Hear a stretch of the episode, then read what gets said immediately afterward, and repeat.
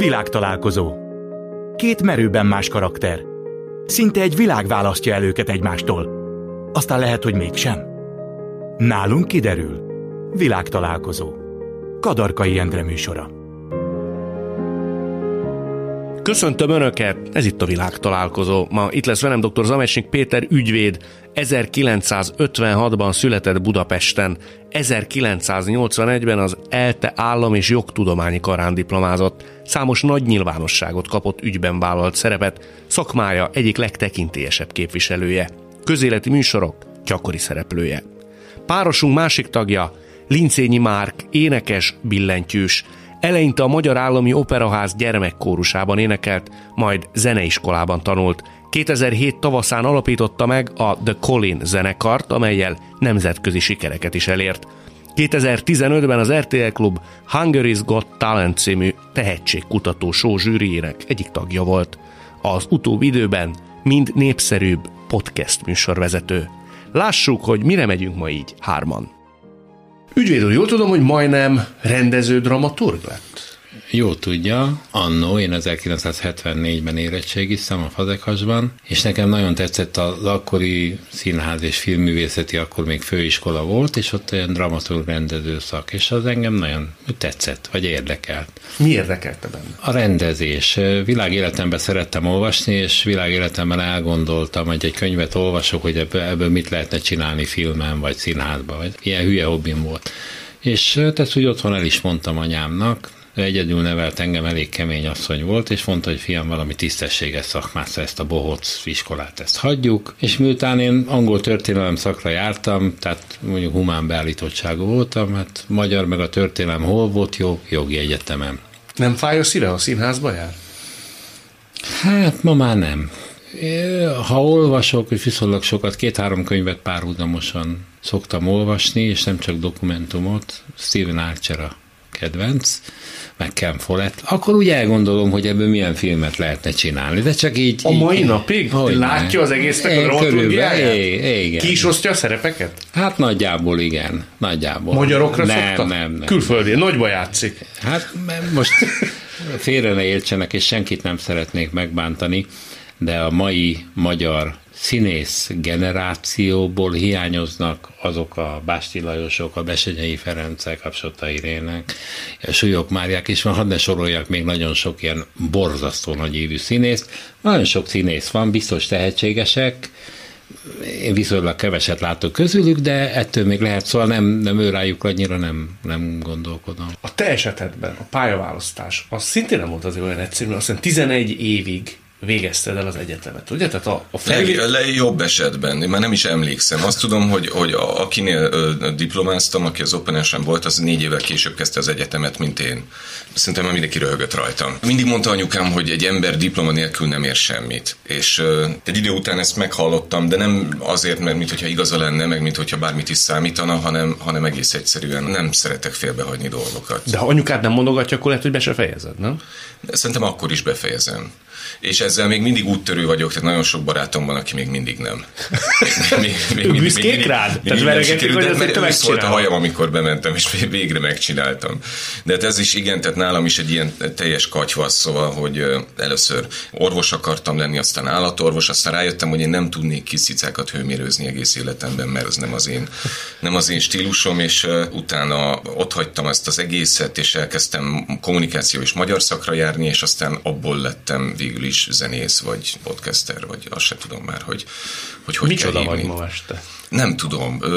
Talán egy, egy harmadrészt újságíró, egy harmadrészt podcaster, egy harmadrészt zenész, és egy pici részt pedig kreatív producer, ez most kezd épülni. Melyikbe vagy a legjobb? Melyik minőségedben? Szerintem semmelyikben, hiszen, hiszen akkor már rég mondjuk jogász lennék, és kiderülne, hogy, hogy jó vagyok benne. Szerintem semmelyikben, hanem, hanem van egy ilyen viszonylag nagy térlátásom ezekre az egymást érintő szakmákra, és van azért egy viszonylag nagy tapasztalatom ebben a kulturális közegben. De ezt mindig így gondoltad, hogy egyikbe se vagy kimagasról, vagy ma már akkor előre Nem, meg voltam róla győződő, hogy mindenben én vagyok a legjobb. Ezt mondtad is, vagy csak te magad hitted? Mondtam is, persze. Kinek? Mindenkinek. Aki szembe jött és szóba Aki jött. Szem, de ha, ha kérdezte, ha nem. és nagy arccal? Óriási arca. Óriási arca. Meg voltam róla győződve, hogy én világsztár vagyok, csak még nem fedeztek fel. Ugye az volt, hogy 20 éves korára Mike Patton az akkori példaképpen, már a Face No More énekeseként meghódította a világot, és emlékszem, amikor 19-ről 20 lettem, és az a csalódás. Tehát, hogy én nem sikerült a példaképpen nyomába érni, ez egy óriási csalódás volt, és aztán jöttek, jöttek a csalódások, míg itt vagyok közel 40 évesen, és nem, hogy világsztár nem vagyok, de még csak olyan kiemelkedő sem vagyok egyik területemen sem, hogy hivatkozási alap legyen. De sztoikus nyugalommal vagy képes ma már kijelenteni? Örülök neki. Örülsz neki, hogy nem lett? Örülök neki. Miért? Mert tegyük fel, hogy világsztár zenész vagyok, akkor egy mikrobuszban ülök ellenszemes emberekkel, és háromszög szendvicseket eszem egész életemben. Jó, ez mondjuk lehet, hogy az árnyoldala ennek a létnek. Azért tudnék mondani olyat, ami nem feltétlen e felé tendál. Hmm, igen, de azért azt is megtapasztaltam, hogy milyen turnézni, milyen az, amikor az embert szeretik, amikor fölnéznek rá, és nekem az úgy elég volt. Elszállt ember lennél? Tehát ilyen eldobáltad volna az Szerintem inkább depressziós és szomorú. Uh-huh. Tehát magadba fordulsz, kiégett. Abszolút. Hálás hogy a sorsnak, hogy nem lettél világsztár. Igen, szerintem világsztárnak lenni sokkal rosszabb, mint árufeltöltőnek lenni egy, egy nagy áruházban. Ezt komolyan gondolom. Halál komolyan gondolom halál komolyan gondolom, mert az áruházban a, az árufeltöltőt maximum a főnöke szídja meg, vagy maximum a vásárlók nem találják a terméket, amit mondjuk rossz helyre tett, de a, a, a népharaggal szembenézni, vagy mondjuk egy rossz szám után a csalódással, a plegykalapokon és szakítás után nézni, ahogy dagonyáznak a bulvár újságírók, szóval, hogy az, az nem. Én sem nem, nem vágynék arra, hogy mindenki azt nézze, hogy mit reggeliztem, és utána mi található a mellékhelyiségbe, szóval nem. Nem, egyetértek maximálisan. Azt, hogy ön kvázi ilyen sztárügyvéd. Na ez, amit nem szeretek. Ezt nem szeret? Abszolút. Mi a baj vele?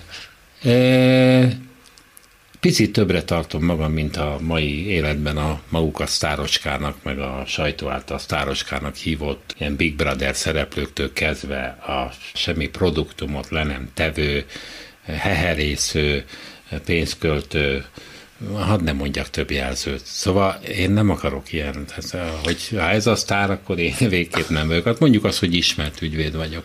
Az jó, hogy ön ismert? Jó, persze. Hát az ügyvédi munka az üzlet is, hát mint minden más. Hát most természetesen, hogyha az ember ismert, vagy a teljesítményében meg vannak elégedve, akkor jönnek ügyfelek, mert ugye ügyvédet nem úgy választanak az emberek, hogy sétálnak a körúton az egyik kapuában, meglátják ki van írva, hogy XY ügyvéd, én már akkor bemegyek ide. Tehát így, így, így a legritkább esetben szoktak ügyvédet választani. Szájhagyomány útján, vagy hogyha meg van elégedve, az a legjobb reklám, akkor ő majd az ismerősének azt mondja, ezzel az ügyvéddel meg voltam elégedve, az történt, amit mondott, nem vert át, bla bla bla. Említetted édesanyádat, nevezetesen, hogy ő mondogatta, hogy ilyen nagyon meghatározó, irányadó ember a te életedben? Nem annyira, mert nagyon rugalmasan kezelt engem, és tudta, hogy nem tilthat meg dolgokat, de azt tudom, hogy neki rosszul esett, hogy én ennyire sokszor módosítottam az elképzelésemet, és számon is kérte, hogy hát múlt héten még biológus akartál lenni, cápakutató, és mondtam, hát igen, a múlt héten még az akartam lenni, de most már nem akarok az lenni. De aztán végül, végül örül, meg én is, én is örülök annak, hogy ez a szabadság, amit, amit kaptam tőle, ez tulajdonképpen egy másfajta felelősségre, de megtanított, tehát nem egy olyan felelősségre, ami neki van, hogy hozzunk egy döntést, és egy egész életen keresztül ragaszkodjunk hozzá. Mert ő egy, egy ilyen pályaválasztó volt? Hát igen, de ez egy másik, tehát azért az ő generációjában azért ez gyakran, gyakran, gyakran ő általános iskolai pedagógus. Értem. Hát azért az egy meghatározott, más, az egy más és meghatározott életpálya, és ahhoz képest az én szabad elvűségem az tényleg nagyon kirívó volt. De hogy igen, itt beszéltünk az előbb a kudarcokról, és hogy, hogy általában a sikert szokták elkönyvelni, nem a kudarcot. Én nagyon hálás vagyok, hogy rengeteg kudarcot hallottam, mert így, így tudom, hogy, hogy, hogy mi mennyit ér, és hogy mi mennyibe kerül. Nagy árat fizettél érte? Szerintem annyit, mint bárki más, de hogy mivel sok mindenben kipróbáltam magam, ezért az esetek 90%-ában kudarc. De mi neked a kudarc? Tehát mi az ismérve a kudarcnak? Az másnak is kudarc, vagy csak neked kudarc? Lehet, hogy csak nekem kudarc, mert azért nagyok az elvárásaim. De például az, tehát hogy a zenei pályát azt, azt inkább kudarcként élem meg, mint nem, hiszen nem sikerült az alapfeltevésem, hogy világsztár legyek, aztán persze nem is akarom, de hogy ez tulajdonképpen egy kudarc, mert azt gondolom, hogy azért kemény munkával és fegyelmezetten tovább lehetett volna menetelni ezen a ranglétrán. De ez ugyanígy van a többi dolgon is. Ez rajtad múlt? Abszolút rajtam múlt. Mi hiányzott? A szufla, az eltökéltség, a felelősség? Úgy érezném magam, hogy be vagyok zárva. Hogyha mindig, tehát mind, mindig ugyanaz a feladat. Tehát rácsodálkozunk, hogy milyen egzotikus dolog, milyen csodálatos, isteni lét az, hogy valaki estéről estére több tízezer embert kiszolgál. De hogy ez valóban egy szolgálat, tehát ez olyan, mint politikusnak lenni. Tehát ugye azt képzelik az emberek, hogy a politikus az szivarozik, és otthon dörzseli a markát, hogy megint megnyomorította őket, elvettem a pénzüket. Ezt képzelik. Tehát azt nem tudják, hogy ezek négy órákat alszanak. Már aki. Hát már aki. Igen. Jó, lehet, hogy van, aki többet alszik. Az ügyvédek mennyit alszanak? Hát, mikor mennyit? szóval fiatalabb korom, majd 41 éve vagyok a pályán. Tehát amikor az ember fiatal és megpróbál létrehozni egy produktumot, egy ügyvédi irodát, vagy teljesen mindegy művészeti alkotás, bármit, akkor, hogyha eltökéltség és elszántság van benne, akkor, akkor az idejét erre szánja egyértelműen, és akkor nem azt nézi, hogy most hat óra van, és eldobom a ceruzát a kezemből, és nem írok tovább, hanem hogyha nagyobb perbeszédre készülök, mondjuk egy 6-7-8 órásra, akkor nem nézem, hogy hány óra van, és nem nézem, hogy szombat van, vagy vasárnap van, vagy hétfő van, mert nekem a főnököm a munka, a sokkal rosszabb, mint hogyha a Mancika vagy Józsi bácsi lenne a főnököm.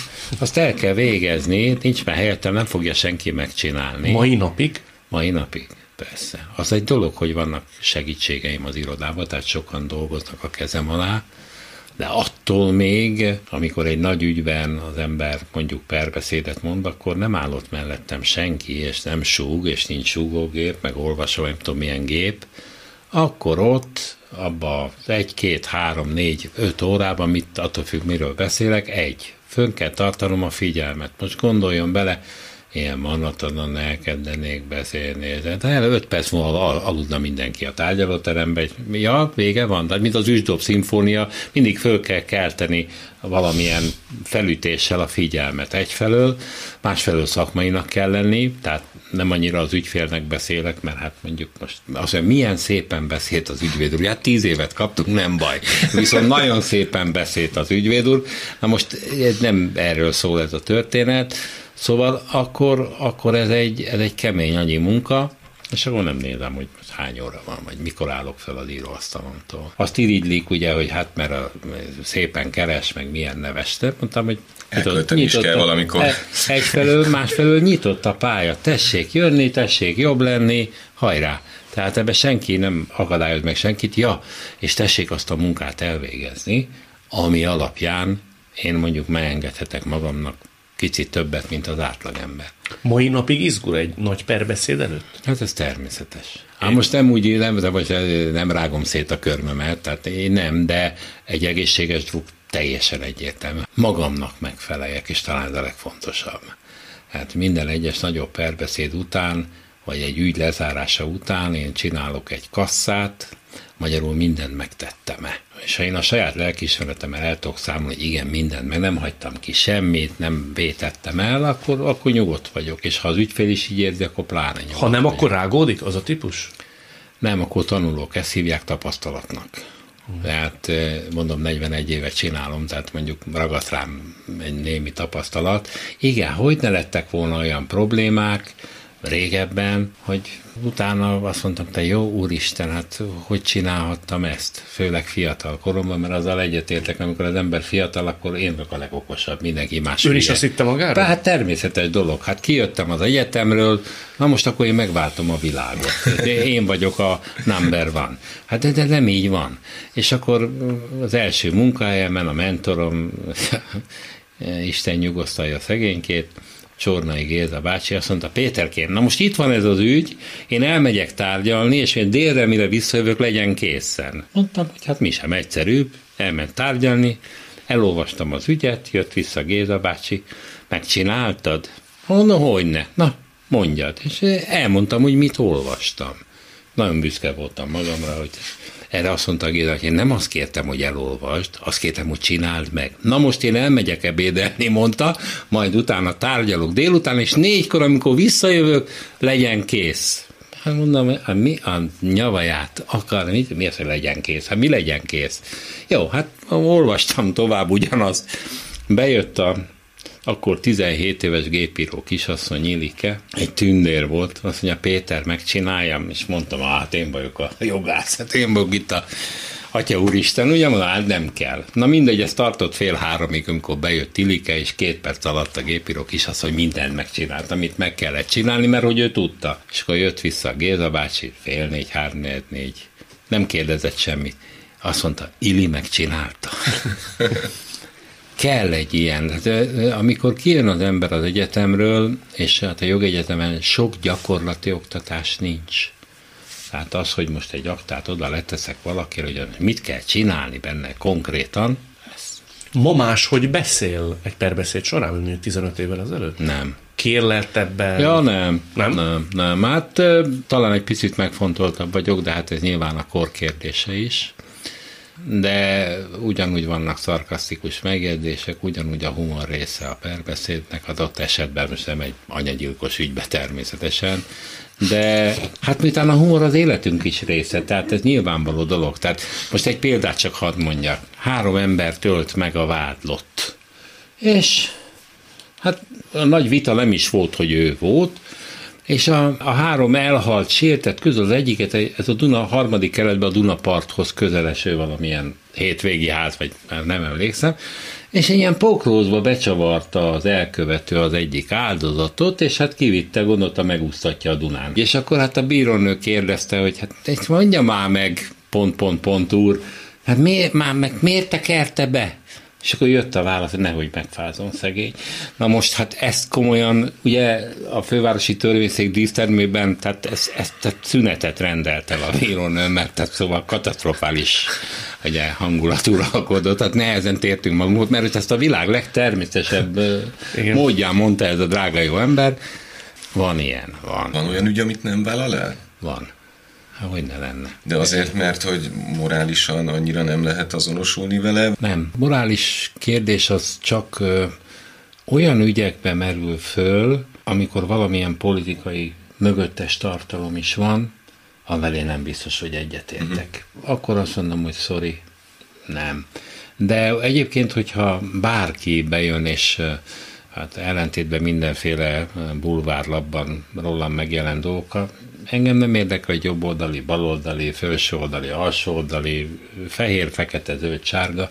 Nem ez a dolgom. Tehát ügyét elmondja, azért vagyunk, ha tudjuk, akkor megoldjuk. Olyan is van, amire azt mondom, hogy itt ezt nem lehet megoldani. Nincs megoldás, pont. Hát ha ez nem tetszik az ügyfélnek, akkor köszöni szépen, és elmegy. Olyan út, aki meg azt megígéri, hogy jó, hát majd itt biztos megoldjuk aztán majd x idő múlva visszajön, hogyha mégse oldották meg. Tehát ilyen van. Neked volt valahol szükséged ügyvédre? Volt, igen. De akkor vesztettem el a hitemet az igazságszolgáltatásban. Na, mi történt? Hát elég pikáns a történet, de hogy úgy alakult végül is, hogy egy meleg magazin címlapjára került az arcom, és rá lett írva a szemöldökömre, hogy meleg pornó, ilyen 2000-es betűmérettel, és a számra pedig az, hogy Mr. Gay Hungary 2000, nem tudom én meg. De miért kerültél oda? fiatal voltam, és kellett a pénz. Nem, ez egy, ez egy divatanyag fotózás volt, fiatal koromban modellkedtem, és azt tudtam, hogy ez egy meleg magazin belső divatanyaga lesz, amivel az égvilágon semmi problémám nincsen, de azt el, elmulasztották nekem megemlíteni, hogy ez címlapon lesz, és hogy rá lesz írva az arcomra, hogy Mr. Gay Hungary, meg hogy meleg pornó, szóval, hogy ez egy azért már egy, egy kicsit félrevezető. És akkor hat és fél évig... Parányit. Hat és, hat és fél évig pereskedtünk, de nekem volt barátnőmet be kellett idézni, hogy elmondja, hogy nem vagyok meleg, bizonyítani kellett. A, a pénzügyi oldalt próbáltuk bizonyítani, hogy én munkáktól estem el miatt, ami... Mm, Hú, de azért ez kínos egy férfi embernek, tehát a hölgynek kellett igazolni az, hogy igen, az egészet méltatlannak éreztem, mert hogy nem lehetett a jog nyelvén megfogni azt az igazságtalanságot, ami történt, és ezért mindenféle kerülő utakon bizonyítani, amit nekem borsódzott a hátam, aztán természetesen jogerősen megnyertem, és hát a mai napig várom, hogy kifizessenek, ez tizenvalahány éve volt. Még nem fizettek ki? Nem, Gino a behajtó felajánlotta, hogy oda megy, mondta, hogy nagyon szívesen követik, azt mondta, hogy még a karját is el tudják törni, hogyha kívánom. Mondtam, hogy ezt nem kívánom, de hogy ettől nekem nem lesz pénzem. Végrehajtási eljárás? Azt, azt én kifizethettem volna, de hogy Gino utána nézett nekem, és semmi nem volt a nevén, ez egy cég, amit ja, becsődöltettek. Ja, és, tehát én, én itt vesztettem el a, a, a hitemet, és úgy voltam vele, ahogy az ügyvéd úr is mondta, hogy, hogy de olyan, nem találkozunk legközelebb. szóval, hogy én is így vagyok ezzel, hogy remélem, hogy nem keveredek ilyen helyzetbe legközelebb. Te azt például, ugye itt már szó volt arról, hogy mikor kell a humor eszközével élni, te e tekintetben például fejlődsz, hogy mindig eltalálod az arányokat színpadon, podcasten, a magánérintkezésben? Mm, vagy egyre jobban eltalálom az arányokat, vagy egyre jobban tudják, hogy mit várhatnak tőlem. Viszont, hogyha eltéveztem az arányt, akkor nagyon eltéveztem. Tehát, hogy azért ez egy, ez egy az kicsit, kicsit ilyen, ilyen taposóaknákkal teli terület, tehát én egyfolytában egy kicsit provokálok, picit feszegetem a határokat, és itt azért könnyű, könnyű mellé lépni. Hát akkor megbántok embereket. Csúnyán? Nem, nem, nagyon csúnyán nem, de, de előfordul. Egyre ritkábban, de előfordul. Hát nyilván ez a küldetés tudattal együtt jár, tehát az ember minél biztosabb magában, annál inkább képes megbántani másokat, és ahogy egyre kevésbé biztos magában az ember, vagy inkább tudja, hogy hol van a helye a világban, úgy egyre kevésbé bánt meg másokat, de a mai napig előfordul, hogy elvettem a súlykot, és túl erős lesz a poén. De Ami mit? az én fejemben csodálatos és nagyon vicces, mások fejében nem ennyire egyértelmű. Ezt, ezt, ezt tanulni kell, ez egy nehéz, nehéz szakma egyébként. Egyet mesél el, amikor te azt gondoltad, hogy ha hota, a másik meg vérig sértődött. Hmm. Nem jut eszembe most hirtelen, hogyha eszembe fog jutni, akkor mondom. Jó, tényleg térjünk rá vissza, mert kíváncsi jó, vagyok, hogy mire kell jó, gondolni. Jó, De azt jól látom, hogy te évről évre bölcsülsz, és ilyen nagy-nagy alázatot vagy képes felmutatni? Ugye beszélgettünk mi már, és akkor is feltűnt, hogy nagyon kritikus vagy egykori önmagaddal kapcsolatban, és valami fajta ilyen kiforrottság, vagy érettség. Ez, szerintem ez, ez, ez normális, ez a korral jár, vagy hát bízom benne. Tehát a múltkor láttam az Aurélióval egy, egy hosszú-hosszú interjút. VV Aurélióról beszélünk? VV Aurélióról beszélünk, aki most, aki most jogerősen büntetését tölti éppen. A státusza elítélt. Igen státusza elítélt, és hát ö, ö, érdekes módon rajta nem láttam ilyen, ilyen bölcsülést vagy érést, de hát még nagyon fiatal, és nagyon remélem, hogy majd lesz ilyen, de hogy azért habitus kérdése is, de szerintem azért az emberek nagy része ö, képes arra, hogy érjen. Ez itt továbbra is a világtalálkozó dr. Zamesnik Péterrel és Lincényi Márkkal. Azt mondja, hogy sok minden tanít. Ön például a gyerekkora nagyon megtaníthatta sok mindenre, mert azért az, hogy mondjam, filmbe illő epizódokat és fordulatokat tartalmaz. Ez kétségtelen így van. Bár nem látszik rajtam, és hála jó Istennek a pszichológus és a nem tudom én, az agykutató sem tudná kimutatni, elvált szülők gyermeke vagyok, de ez nem befolyásolt engem hátrányosan. Igen, 1956-ban születtem, és 10 hónapos voltam, amikor az édesanyámmal vele nőttem föl a hátán diszidált, ugye? Most ezt a kifejezést lehet így mondani, egészen pontosan 1956. december 30-án az éjszakát a magyar-osztrák határon a hóba feküdve töltötte édesanyám, mert a feje fölött a géppuska vagy géppisztoly lövedékek mentek, és hát aztán egy, egy másik fiatal házaspárral együtt azok gyerek nélkül voltak, így voltunk ott négyen, már az ő elmondásával tudom, és aztán sokáig feküdtek a hóba, meg hideg volt, én békésen aludtam, tehát engem abszolút nem zavart ez, hogy ott lövöldöznek. Aztán egyszer egy, egy ilyen teherautószerűség jött, és anyám úgy gondolta, hogy ő most már föláll, kész. Hát a magyarok magyarok, ha nem, nem. Na most osztrákok voltak, és hát akkor anyának mondták, hogy hát beviszik itt a közeli lágerbe. Na most anyám meghallotta ezt a szót, hogy láger, és mondta, hogy ő bizony oda nem megy, tehát neki rossz emlékei vannak lágerről 45 óta. Hát nem ment oda. És akkor mondták a faluba, hogy de valaki majd elviszi Bécsbe. Bécsbe azért kellett menni, mert a család többi tagja már Angliába volt, és a Vörös Kereszt szervezte, hogy hova viszik a 56-os magyarokat. És hát az éjszaka kellős közepén egy, lerakták egy ház előtt anyámat. Én mondom továbbra is ragyogóan aludtam, és mit tesz Isten? Hát fogalma nem volt anyámnak. Egyébként németül meg angolul kifogástalan beszélt. Hát ez egy zsinagóga volt. És hát bekopogott, hogy hát most itt van, és hát segítsenek. És akkor megkérdezte a, a ember, nem a rabbi volt, hanem valami gondok, hogy hát maga zsidó? Mondta, hogy igen. Hát akkor beszéljen. Na most anyám ugye a háború előtt zsidó gimnáziumba járt, ahol hát a Héber egy tanult nyelv volt, tehát tökéletesen elmondta, hogy amit kérdeztek. Jó, hát akkor rendben, akkor tessék bejönni. És akkor ott töltöttünk egy-két napot, majd ott fölvilágosítok, hogy a Bécsi Hautbahnhofon kell, amit tudom, milyen vörös keresztnél jelenkezni, és akkor ott majd megmondják, hogy Londonba mikor megy a vonat, és mikor tesznek minket oda föl, mert hogy a család többi része már Londonba volt. És akkor hát, anyám bevitt, és hát ott a váróteremben, hát nem csak mi voltunk, hát rajtunk kívül még, mint most az ukrajnai helyzet, hát szóval egy jó páran ott voltak. És meglátott bennünket egy fiatal osztrák hölgy, akinek a férje a Hauptbahnhof főnöke volt. És azt mondta, hogy hát amíg várunk itt a két-három hetet, már ne itt legyünk a kisgyerekkel a váróteremben, tessék hozzánk költözni. És akkor így Bécsbe egy, egy tudom, milyen lakásba el. És amikor indult a, a vonat Angliába, akkor mentünk, és megszereztem levéltárból transport listnek hívják egy ilyen papírocska, ami rajta van, édesanyám neve, meg az én nevem, hogy melyik nap, melyik kupéba, vagy melyik vonatra, melyik nem tudom hova kell főszállni. És így kerültünk ki Angliába. Hogy kerültek aztán vissza? Mert fölbukkant hát az, az apukája. Hát fölbukkant, igen. Apukám hazalopott. Most nem tudok szebb szót mondani.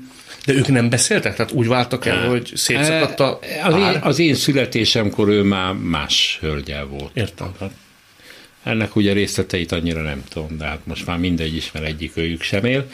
És az apám is diszidált, ő előbb, október végén, Na most ő mindenféle nyelvtudás nélkül, tehát magyar kifogástalan beszélte, de azon kívül egy szót se, hát mondjuk yes meg no, talán ez a két szó megrakadt nála. Ő viszont kereskedő volt, és őt a Selfridges áruházba fölvették a raktárba ilyen pakoló embernek, ilyen polcföltöltő, most ez szok divatos szó.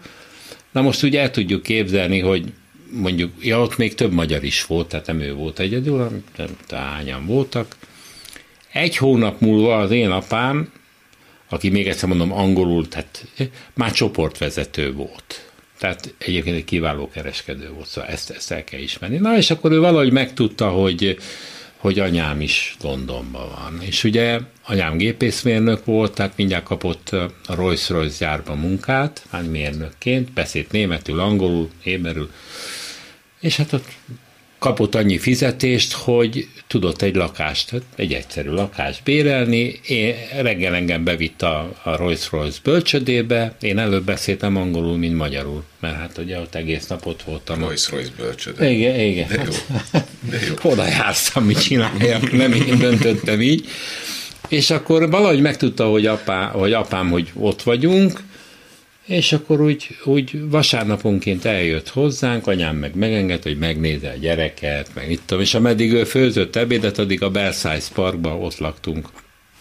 Ugye Angliában elég sok, vagy Londonban elég sok park van, és hát akkor ott, ott voltunk, és akkor a, az egyik ilyen vasárnapi délelőtti séta kapcsán már nem vitt vissza, hanem a repülőtérre és hazahozott, anyám tudta és engedélye nélkül, Ráadásul azon a napon 56-os eh, diszidenseknek volt egy időpont, ameddig amnestiát kaptak, hogyha hazajöttek, azután meg hát eljárás várt rájuk. Na most ezen az utolsó napon hozott haza apám, és hát akkor beletartott anyunak másfél-két évig, mire a Nemzetközi Vörös Kereszten keresztül... Addig ha... nem is találkoztak, érted? Hát, hát sehogy. És apukája nevelt az a másfél Hát az apukám az nem nevelt, a Duna utcai óvodába vittek, a nagymama. Hát a apám dolgozott, hát most nevelt, biztos nevelt. De, de kiderült az, hogy tulajdonképpen mi volt ezzel a szándéka? Tehát ki akart szúrni a mamával? Hát nem tudom, hogy mi volt a szándéka. 18 éves voltam, érettségi után. Egyetlen egyszer beszéltem apámmal erről, és megkérdeztem aput, hogy figyelj ide, hogy elrontottad a saját életedet, te dolgod, pont. Hát édes jó Istenem, egy kiváló kereskedő volt, tehát ha ő ott marad, biztos, hogy sokra viszi. Hogy elrontottad anyám életét, azt nem értem, de mondjuk még, még ezt is megértem, de az enyémét miért? Erre az volt a válasz, hogy magyarok vagyunk, fiam, ez a mi hazánk. Na, akkor gondoltam, hogy akkor itt befejeztük a beszélgetést, mert hát most miről beszélgessek tovább. Tehát... Eh, Haragszik rá, hogy nem maradhatott Nem, ki? nem. Nem is játszik el a gondolaton, hogy hogy lenne ma berendezve az élete, hogyha ott maradt ki Angliába? Hát mert ezek, ezeknek a játékoknak semmi értelme nincs. Hát most én egy ugyanilyen szintű ügyvéd lennék Londonban, Hát nem, nem is tudom, hogy ezért akkor ilyen Abramovics féle jachtokon mászkálgatnék, és nem tudom, én nyolc helikopterem lenne, meg nem egyebek. Most lenne sok dolog. Az biztos. sok dolog. az biztos. De, de félreértések elkeső véget. Én azt gondolom, ezen a pályán idehaza, amit lehet, én elértem. Én ezzel meg vagyok elégedve. Van egy fantasztikus családom, 44 éve vagyok nős, feleségemmel szinte összefortunk, van két fiam, van három, két mennyem és három unokám, én, én mire, mire panaszkodjak? Sem erkölcsileg, sem anyagilag, sem elismertség, nekem nincs okom panaszkodni. Tehát én, én, én, én jól érzem magam. Most azon gondolkodom, hogy mi lenne, ha, hát teljesen, hogy mondjam, felesleges időpocsékolás. De csak, hogy elvarjuk a szállat, rendeződött ez aztán, édesanyja megtalálta önt, visszatért igen. Budapestre, és akkor vele nőtt Igen, föl. igen, igen, hát volt egy gyerek elhelyezési per, 1960 mondjuk négyben, és édesanyámhoz természetesen oda kerültem, és hát ő, ő egyedül nevelt, rettentő szigorú asszony volt, Hát most hallottam, hogy az ön édesanyja engedte, hogy itt a jobbra-balra. Igen, hát itt az én anyámnál ezt nem csinálta volna, az biztos. Mert akkor mi volt a retorzió? Mi, nem, nem, nem, nem volt retorzió. Egy rendkívül határozott, céltudatos, végtelen kötelességtudó és egyenes ember volt. Ezzel alatt azt értem, hogy nekem az anyám azt mondta, hogy nem valamire, akkor biztos tettem benne, hogy a világ főfordulhat, nem. Ha viszont megígért, azt mondta, hogy oké, okay, akkor meg abban lettem biztos, hogy akármi történik, az úgy lesz. És ez így volt. Én nekem gy- anyám arra nevelt, mai fejjel már ezt abszolút köszönöm, hogyha vele bármi történik, én egyedül maradok, mert a szülők meghaltak, akkor megálljam a helyem. Tehát, hogy tudok főzni, tudok bevásárolni, tud, az életemet el tudom rendezni. Nincs rá szükségem természetesen, mert feleségem mindenben ott van velem, de szóval, hogy arra, az volt a cél, hogy, hogy ha velem történik valami, akkor én ne vesszek el, és, és boldoguljak. Volt ez próbára téve valaha? Nem. Nem. Nem. Nem. Mi mindent tud főzni? Most, ha úgy adódna, nem tudom én, a felesége három el kell, hogy utazon vidékre, és önnek kéne történetesen főznie, nem maradna. Bármit. Bármit? Bármit. Jó, nyilván most már segítség is van, hát itt az internet, tehát mondjuk most, aminek effektív nem tudom a receptet, nem paprikás krumplról, meg lecsóról beszélek, de nem esik le a karikagyűrözőn, bármit megfőzök, sőt, még sütni szoktam, sőt, karácsonykor a, a, én csinálom a süteményt, a családi vacsorához Somlói Galuskának hívják, és jobb, mint amit cukrászdába lehet kapni. Állítólag, legalábbis azt mondják, akik kóstolják, igen. Hát nekem nem mondják, hogy jó. De nem, is, nem, nem hazudnak, tehát nem is kérem, hogy hazudjanak. Fontosabb az őszinteség, nagyon lelkesen főzök, sütök, mindent csinálok. Ugyanazon a közepesnél valamivel rosszabb minőségben. De, de legalább látja a gyerek, hogy, hogy ez otthon előállítható hogy valami. Ő is, apa ő is, pontosan. De a, a feleségem pontosan ugyanolyan jó szakács, mint én. Tehát ebből a szempontból jól kiegészítjük egymást, śmierć. Mondom, ez a középszerűnél valamivel rosszabb. De akkor gonosz megjegyzés az, hogy nagy lakomák azért nincsenek nálatok. De vannak, mert a mennyiséggel lehet pótolni ugye a minőség hiányát, úgyhogy sokat. Nem olyan jó, de abból viszont sok készül. Meg ugye nekem állandó, tehát hogy, hogy most például karalábi levest, nem, bocsánat, zeller, zeller levest csináltam, előtte pedig csicsókát, tehát ott a nagy csicsóka balesetnek nevezzük csak. És én nem tudom, tehát hiába írja a recept, hogy ez, hogy ez fél kiló, én nem tudok megállni fél kilónál. Tehát az nálam nálam két kilónál kezdődik, hát most fél kiló, hát egy darab nagy zeller fél kiló. Hát én nem fogok egy zellerből fél kilót, ez nem, veszek négyet. De akkor viszont két kiló, akkor arányaiban az összes többi, és akkor hát két kondéra készül, viszont a végén a tejszint ugyanúgy beleteszem, tehát egy másfél nap alatt megromlik, akkor nagyon gyorsan meg kell lenni, és az egész család rosszul van. Krémleves csinál? igen, nem, igen, az, igen. Az kellemes, az finom. Nagyon, nagyon finom. Hát, ha jól csinálja. Hát egyrészt, hogyha jól csinálja, másrészt, hogyha megfelelő mennyiséget. Nem, nem, tehát valamennyire megalomán vagyok a főzésben, hmm. és nem bírom ki, hogy csak kevés legyen. Mert ugye nem, tehát kicsit unheimlich dolog a konyhában állni. Közben végig azon gondolkodom, hogy mennyi hasznosabb dolgot tudnék csinálni. Hamar túl akarok rajta lenni, tehát minél többet szeretnék megcsinálni, hogy akkor már másnap ne kelljen fáradni. De csak formál logikailag, én nem vagyok egy nagy szakács. Tehát ha tudod, hogy nem csinálod jól, akkor miért bünteted magad hosszú ideig, hogy azt kelljen enni a családnak? Ez ugyanolyan, mint hogy miért térek el a recepttől, hogyha ott van teljesen egyértelműen a recept, és én mégis minden alkalommal eltérek tőle, és sosem válik előnyire az ételnek. És nem bírom ki, hogy ne térjek el. Mindig azt gondolom, hogy ezúttal, ezúttal enyém lesz a lottőtös, de pont akkor eséllyel indulok neki, mint a lottozásnak. Ugye jól tudom, hogy a te szüleid is elváltak. Igen, igen. És lehet tudni, hogy ez mikor történt neked? Én volt 10-11 éves lehettem, amikor elváltak. Tehát ez nekem még egy ilyen teljesen természetesnek tűnt. Tehát vannak barátaim, akiknek jóval később, tínédzser korban, meg gimnáziumban, és igazán megviselte őket. Téged nem ezek szerint? Hát a mai fejjel azt mondom, hogy bizonyára, és azért van ezzel munka, de, de, de akkor azt gondoltam, hogy egyáltalán nem. Nagyjából olyan 30 éves koromig ezeket fel se fogtam, ezeket a hatásokat, amiket engem értek akkor. Mi történt 30 éves korod környékén? Elkezdett benőni a fejem lágya. Ugye hát két folyamat indult meg. Az egyik, hogy benőtt a fejem lágya, a másik pedig, hogy itt a hátam közepén egy, egy fájdalom elindult. Tehát egyik reggel fölkeltem, nem hittem el, amikor mondták, hogy ez majd lesz. Egyik reggel fölkeltem, és fáj. És azóta nagyon sokat sportolok, heti négyszer legalább sportolok, jogázom, nyújt, úszom, tehát minden, foglalkozom vele, masször. Fáj. Tehát annyit tudok csinálni, hogy elfogadom a fájdalmat. Tehát ezeket nem Na, és ezzel egy időben, igen, elkezdett, elkezdtem hát, felnőtté érni és elkezdtem rendet rakni az, a saját életemben is, és terápia, és odafigyelni, és utána olvasgatni, és hát most elindultam a hős útján, aminek a vége a, a pusztító anya elfogadása, és a szuperego legyőzése, és az apánk helyére lépés se, hát mitológiai értelemben, és most ezt az utat járom. Azért most sok mindent mondtál, tehát egyfelől 30 éves korban elkezdtél terápiába járni. Igen, igen. De igen. azért nem úgy működik, hogy föl kell az ember egy reggel, és azt mondja, hogy a 700-át neki, nekem el kell mennem terápiába. Elindult egy, egy jól működő párkapcsolatom, ami a mai napig is tart, és ennek úgy éreztem, hogy ez a fő kritériuma, hogy rendbe kell tennem a saját ö, belső életemet, ahhoz, hogy jól működjön. Annyit mondasz el, amit el akarsz, de milyen voltál, ami ezt indukálta?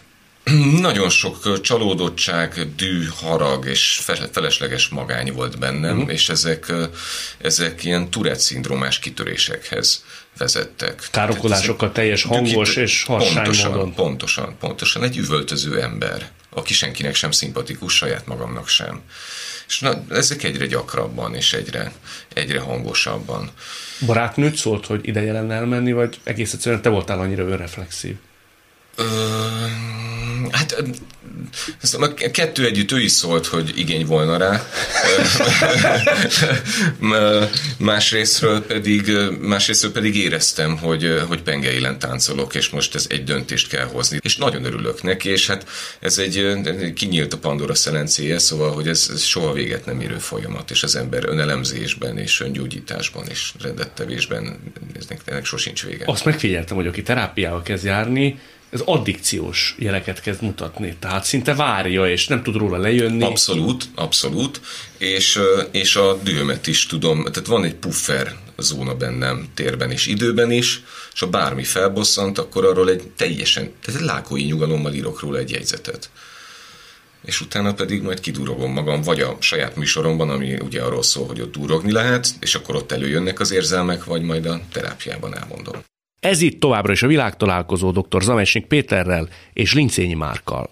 Ön ügyvéd úr mondjuk ügyészként, vagy kezdő ügyvédként, mert ugye ügyészként kezdte. Igen.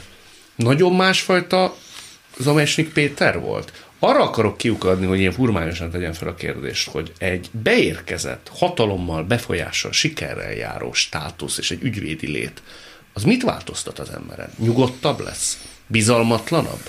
Elbizakodottabb? Magabiztosabb? Alázatosabb?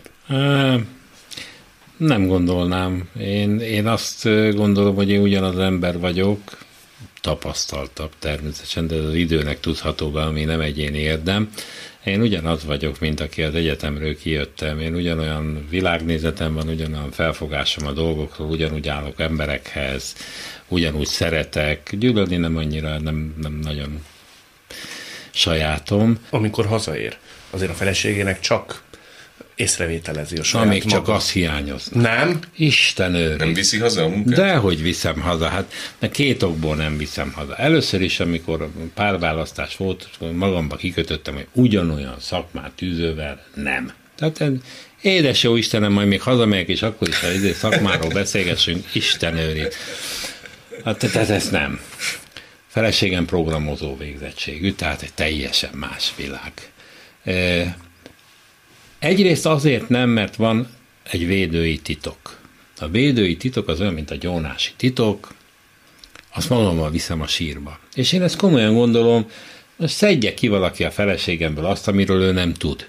Tehát nem, egész egyszerűen nem. Én amikor hazamegyek, nekem kell egy 20-25 perc, amikor tessék engem békén hagyni, gőz ki, utána aztán bármi, tehát utána a családi élet, Hát most jól néznénk ki, hogyha az a fajta munkadömping még otthon is folytatódna este, mit tudom én, 6-7-8 óra után. Hát ez, ez, ez nem lehet, hát előbb-utóbb valószínűleg a Háshegyen vagy a Dili házba kötnék ki, mert, mert azért ez egyfajta beszűkülést eredményez. Meg ön az a típusú ügyvéd, aki tud is élni, ugye? Hát szeretek. Szeret. Tudom, ezt mindenki szereti, ha én ezt mondom, de hát könyörgöm, hát egy életünk van, mondok valamit, ugye én nagyon szeretek az unokáimmal lenni. Ugye most az unokáim 11, 9 és 8 mondjuk. Amit most nem vagyok velük, azt 5-6 év múlva már nem, ők nem a nagypapával meg a nagymamával akarnak lenni, nem a barátokkal, a barátnőkkel. Tehát teljesen természetes dolog. Hát nem arra kíváncsi, hogy az öreg nagypapa mit beszél Bisonzóról, hogy hogy volt a háborúban.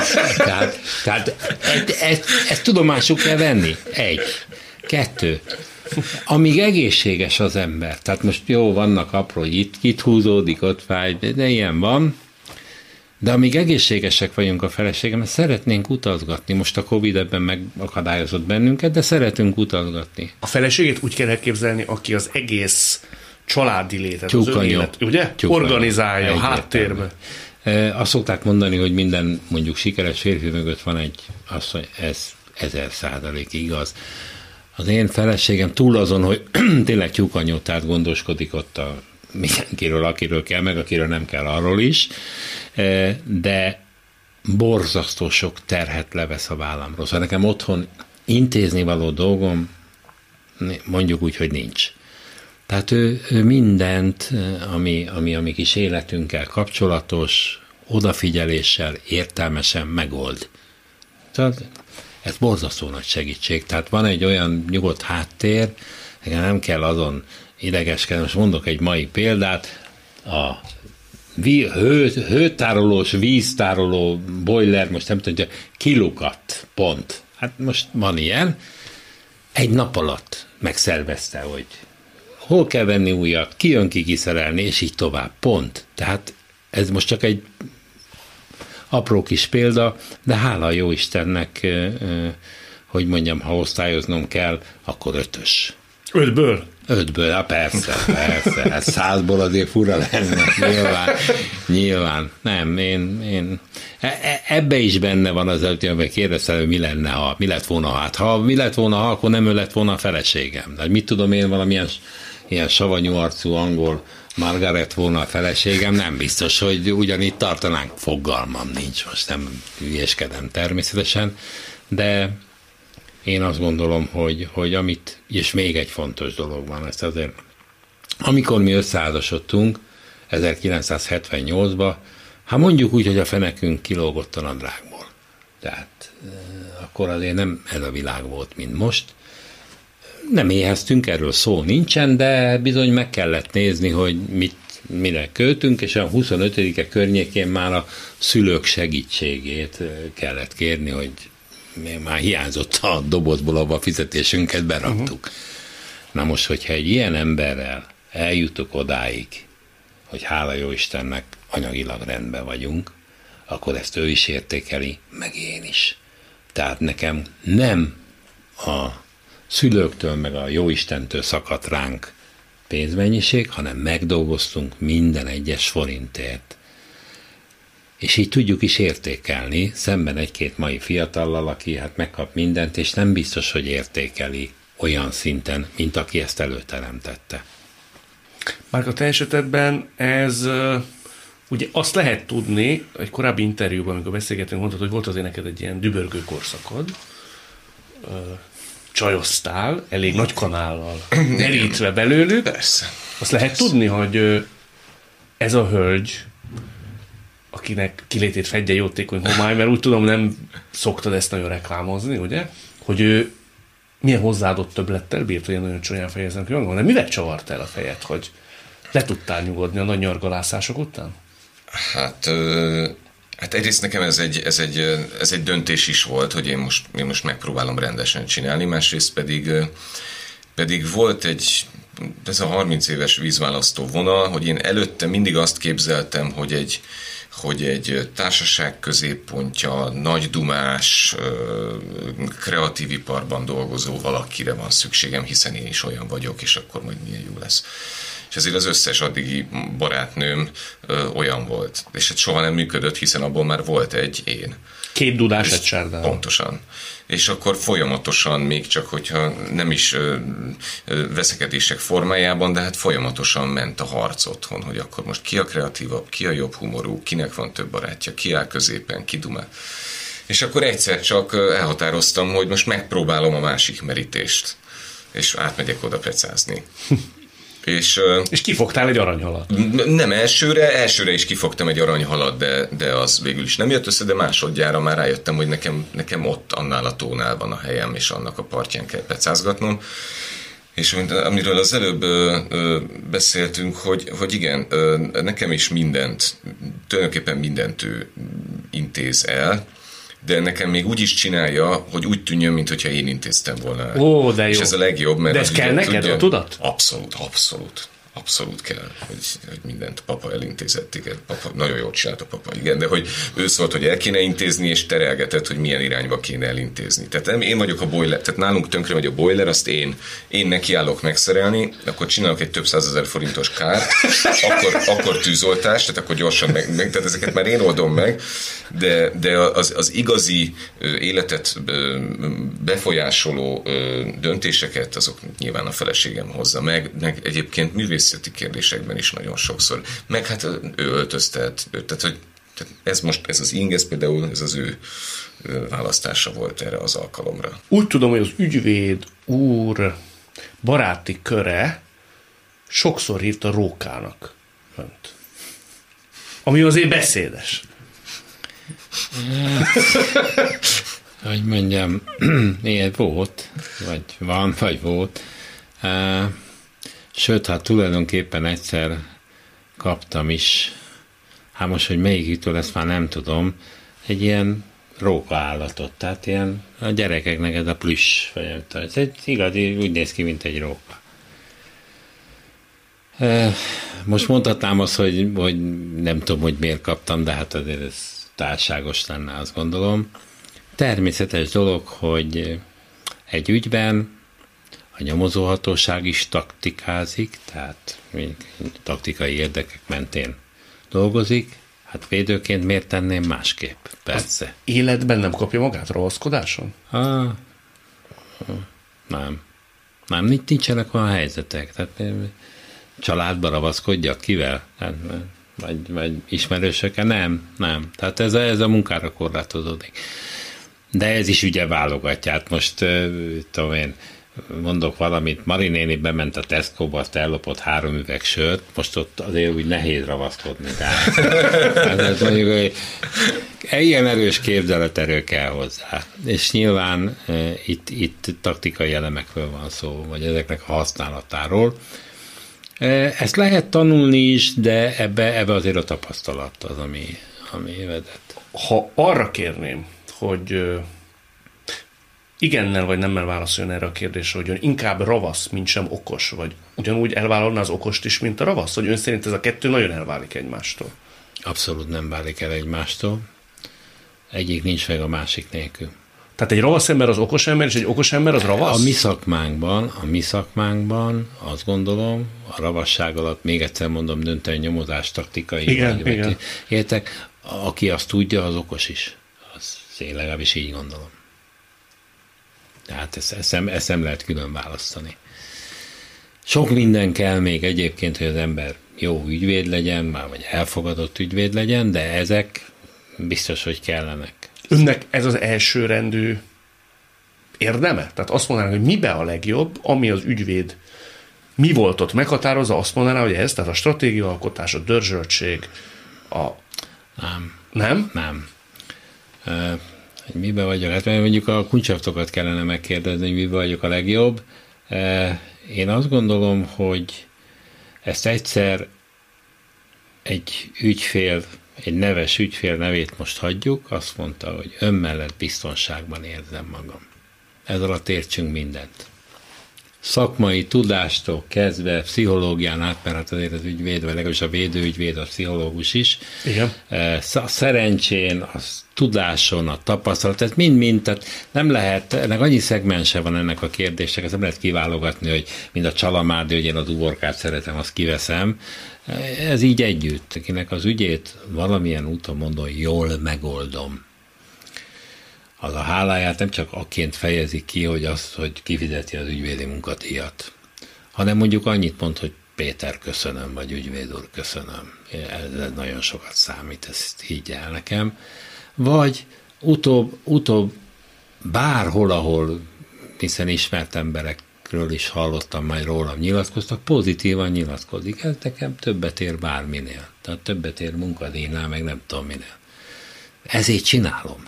Annyira jó dolog embereknek segíteni, mert hát ez is az, most lehet ezen vitatkozni, hogy van, akinek tetszik, van, akinek nem, de, de nekem az a dolgom, hogy, hogy valahogy ezt a segítséget megadjam a szakmai tudásommal, hát nyilván ennek a keretei között.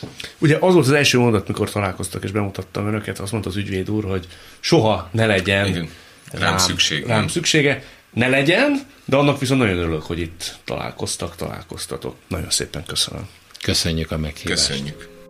Eheti vendégpárosunk dr. Zamecsnik Péter és Lincényi Márk volt. Világtalákat nem csak hallgathatják, de végig is nézhetik. Iménti beszélgetésünk hamarosan már látható lesz YouTube csatornámon is. A mai adás létrejöttében köszönöm Rózsa Egyi Gábor és Varholik Zoltán segítségét. Találkozzunk jövő szombaton itt, a Klubrádióban. Viszont hallásra!